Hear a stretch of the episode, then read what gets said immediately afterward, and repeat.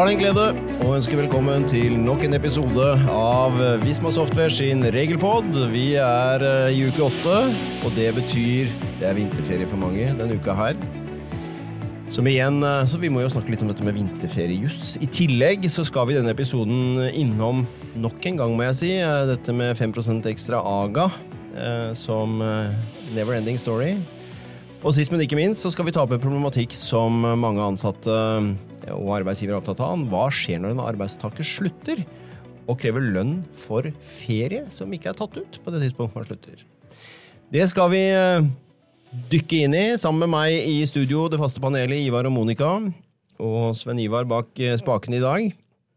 Vi, eh, skal vi starte med litt uh, vinterferiejus, kanskje? Mange har jo vinterferie uke åtte og uke ni for en del i landet. Eh, så vi får en del spørsmål rundt dette her med, med vinterferie. Hva man kan kreve, ikke kreve, og hvem bestemmer egentlig hva. Vi kan jo begynne med det første spørsmålet, dette her med å kreve. da. For, mm. Og det gjelder jo ikke bare vinterferien, det gjelder jo egentlig generelt i hele året. Dette her med arbeidstakere kommer med krav om at nå vil jeg ha ferie på dette tidspunktet her. Altså En ting er å ønske det, men noe annet er å kreve å få det. Mm. Hva er det egentlig man kan kreve, da? Ja, Det er ikke all verden. Det er ikke all verden, nei. Er det noe i det hele tatt? Det, nei, det, det kommer an på alderen, ikke? Ja, det var det, da. De over 60, for å begynne med det litt, sånn, eh, litt ute på sida her, men de over 60 har jo rett til å kreve bestemme selv når de tar den ekstra ferieuka fordi de er over 60, så de kan vi slå i bordet med at så lenge de varsler eh, arbeidsgiver med to ukers frist minimum, så kan jo de få lagt ferien i uke åtte eller uke ni hvis de selv ønsker det. Ja, men Det er jo bare én uke i løpet av året, så man mm eh, må jobbe med varsomhet da, når man skal fastlegge den ene uka. For når man har brukt opp den ekstra uka på en alder og mm. fastsatt den når man vil, mm. da er den jo brukt opp. Da har man jo ikke flere dager igjen i løpet av året som man kan styre over selv. Da, for det er vel arbeidsgiver som sitter med styringsretten her.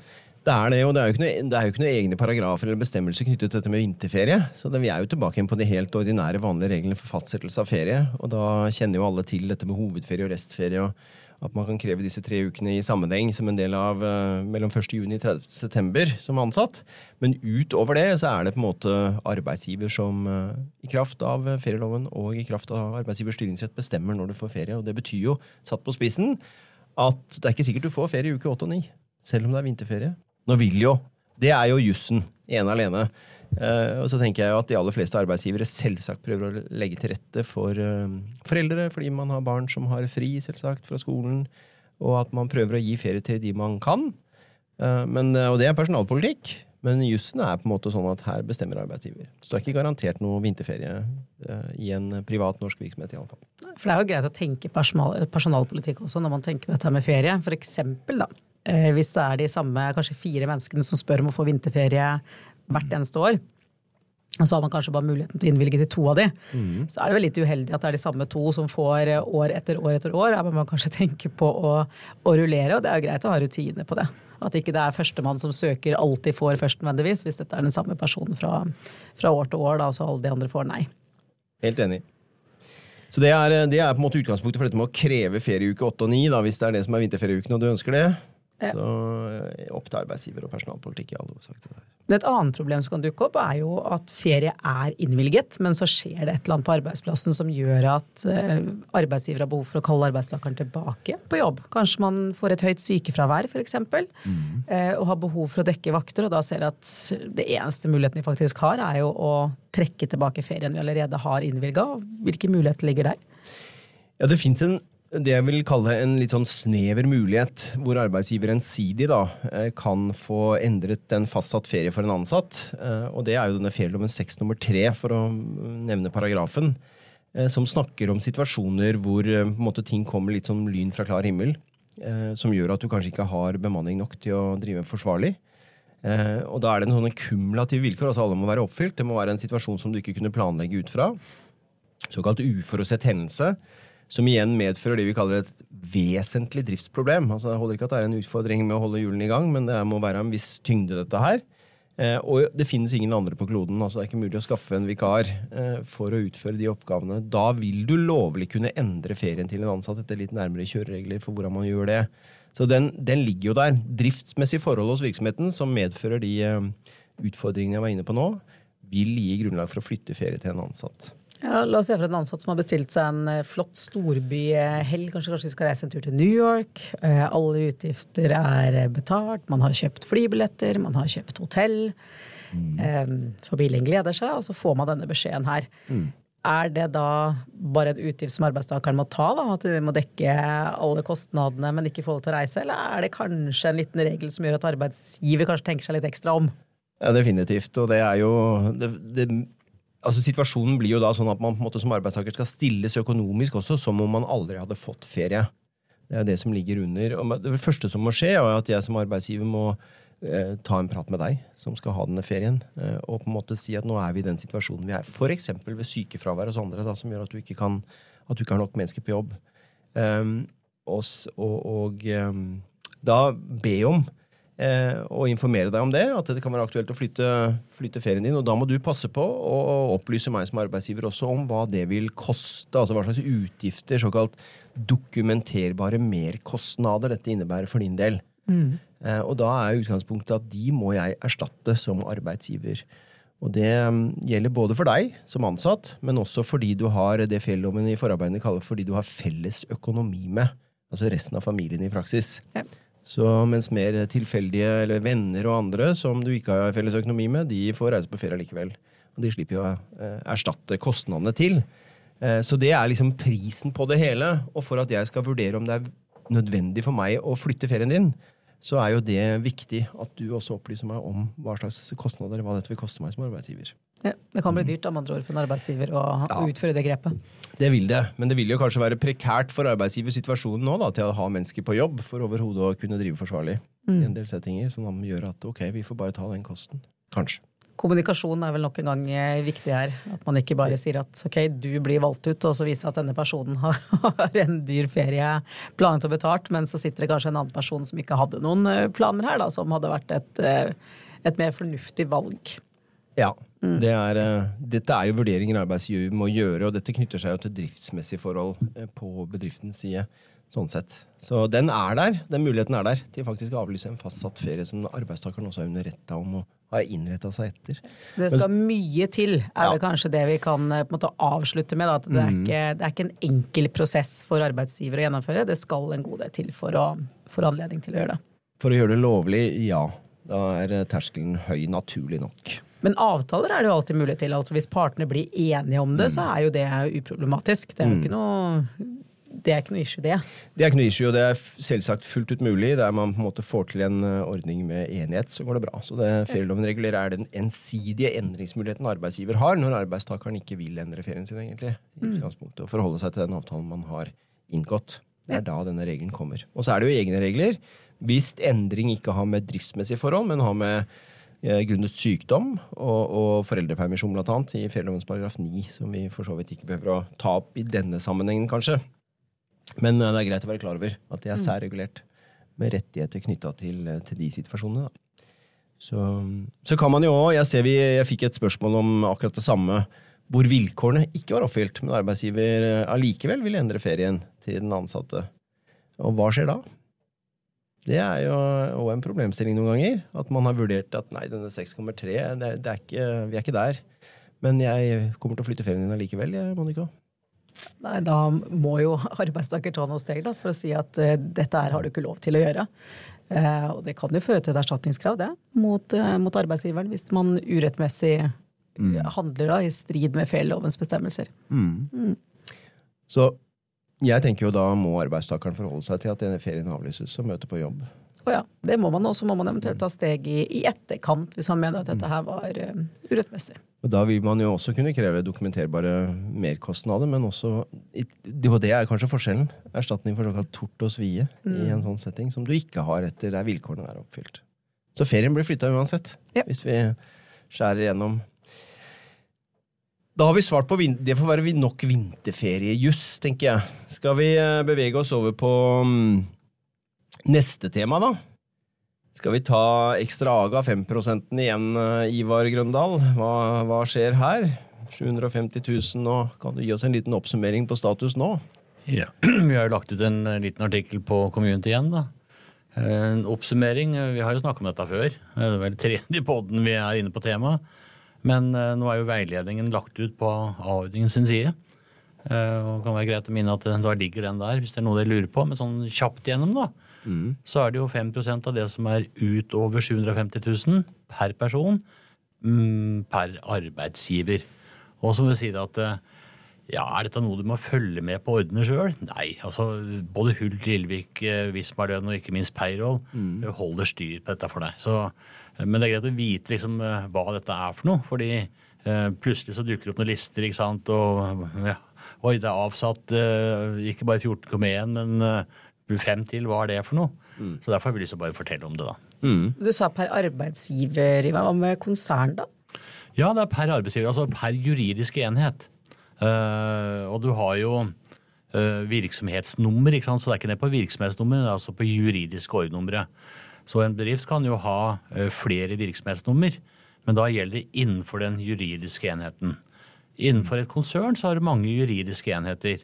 Og da gjelder faktisk de 750, altså i den grensen, eh, det gjelder per juridisk enhet. Eh, Så et konsern med x antall bedrifter, så lenge lønna da har vært fordelt på de forskjellige selskapene, mm. så er det grensen på 750 gjelder hvert enkelt selskap. Men Men én en ting til. Soner, satser. Gjelder dette alle soner, satser? Finnmark, Senja? Det gjør det. Senja og eh, Nord-Troms og. Finnmark og ja, hele, vi kan si hele Fastlands-Norge. Mm. Altså om det er i sone 1, 2, 1A, 3, 4, 5, eh, så gjelder det alle soner. Men ikke Det er ett unntak, Ja. og det er eh, Svalbard. ja. Jan Mayen.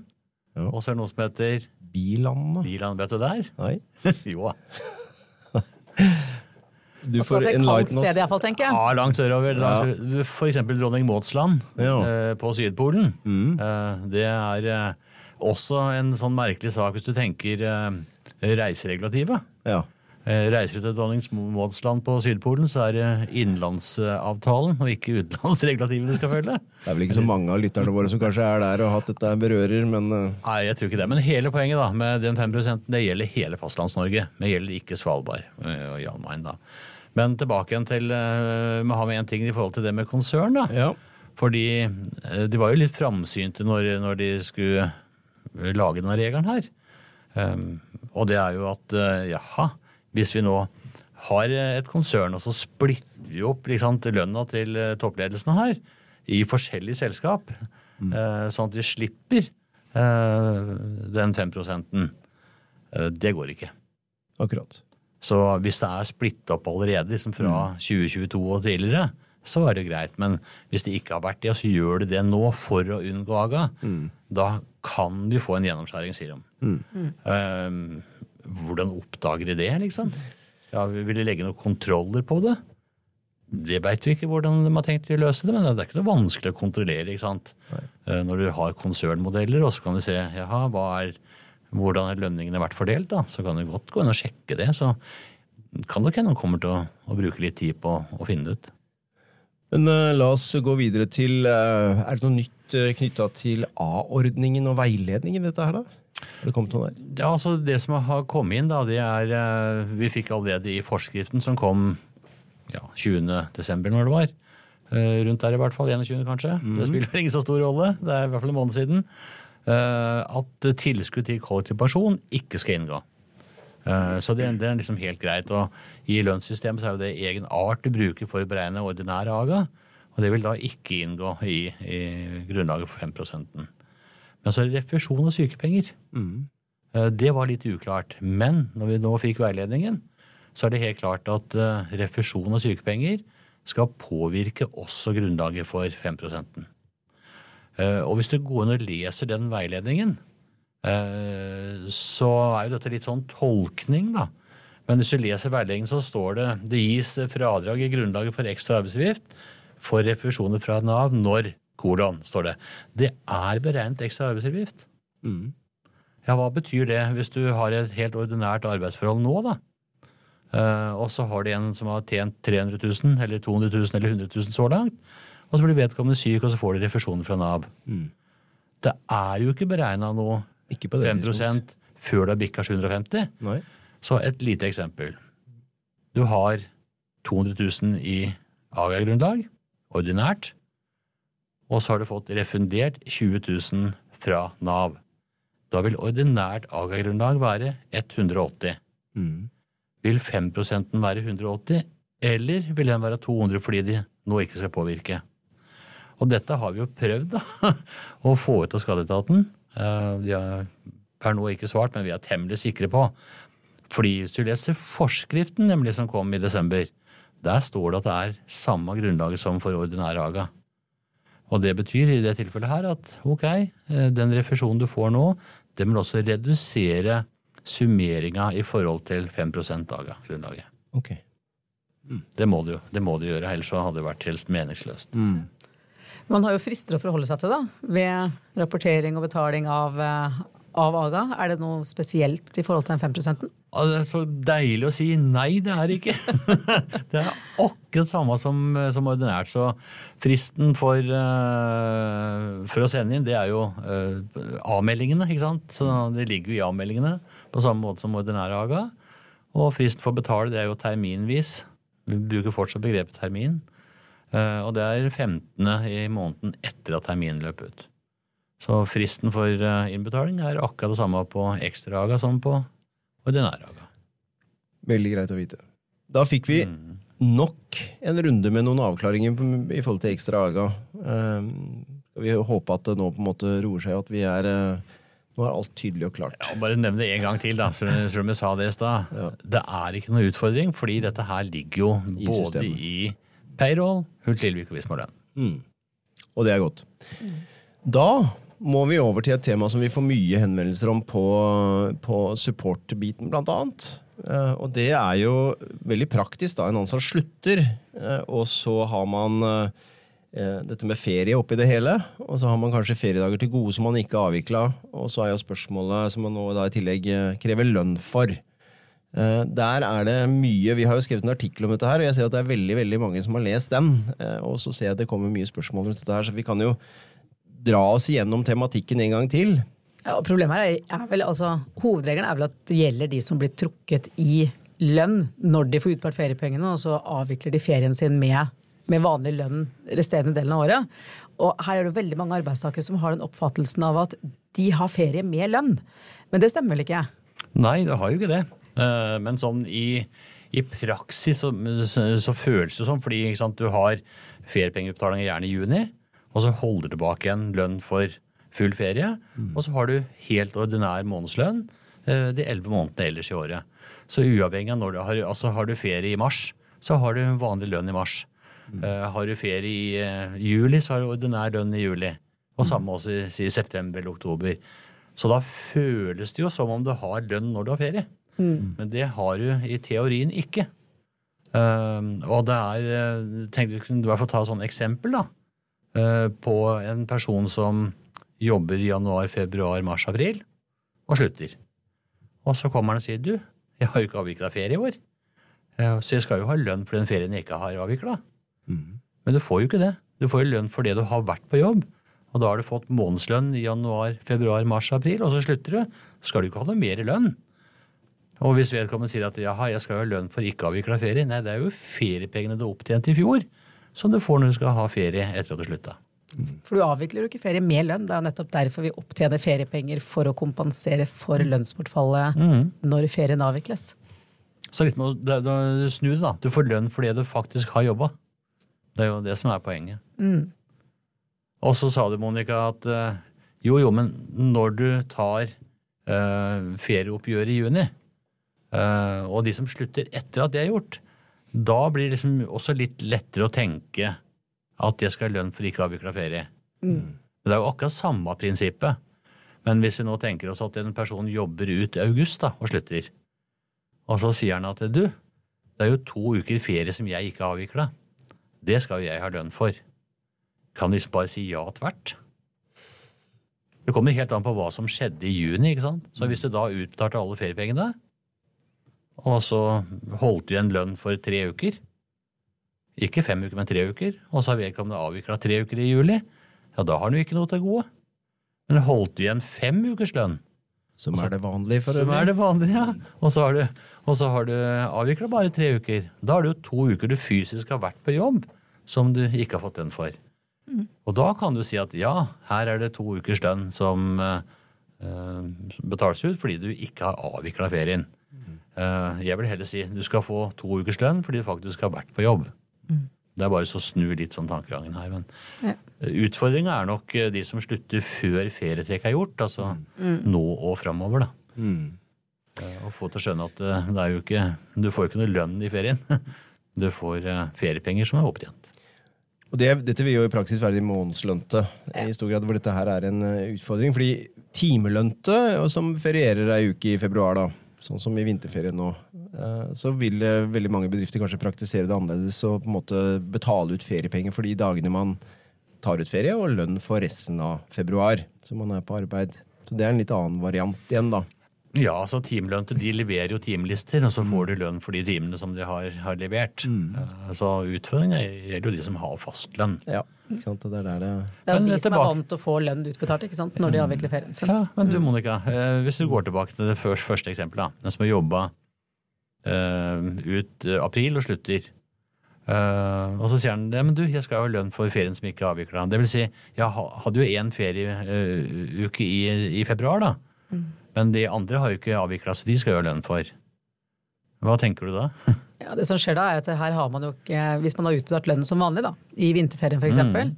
Eh, da har man jo ikke foretatt det ferietrekket som man vanligvis gjør i juni.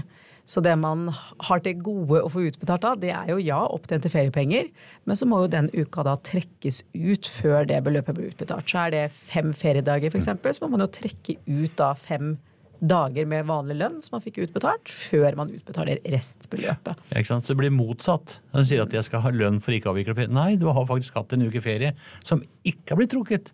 Så du mister en uke lønn eh, i forbindelse med, med sluttoppgjøret. Og den er det mange som blir overraska over. Ja. Og selv om vi egentlig bare er på vinterferie nå, så ser vi jo det at eh, vi nærmer oss jo allerede egentlig utbetalingsmåneden på feriepenger. Og, eh, og, vi vet jo av erfaring at her er det mange spørsmål, og det er eh, en del spørsmål om vi setter opp noe kurs på det her. Eh, og vi skal jo ikke ha kurs, men vi skal ha en konferanse, for vi har jo digital læring der man har muligheten i systemene til å, å lære mer om utbetaling i systemene.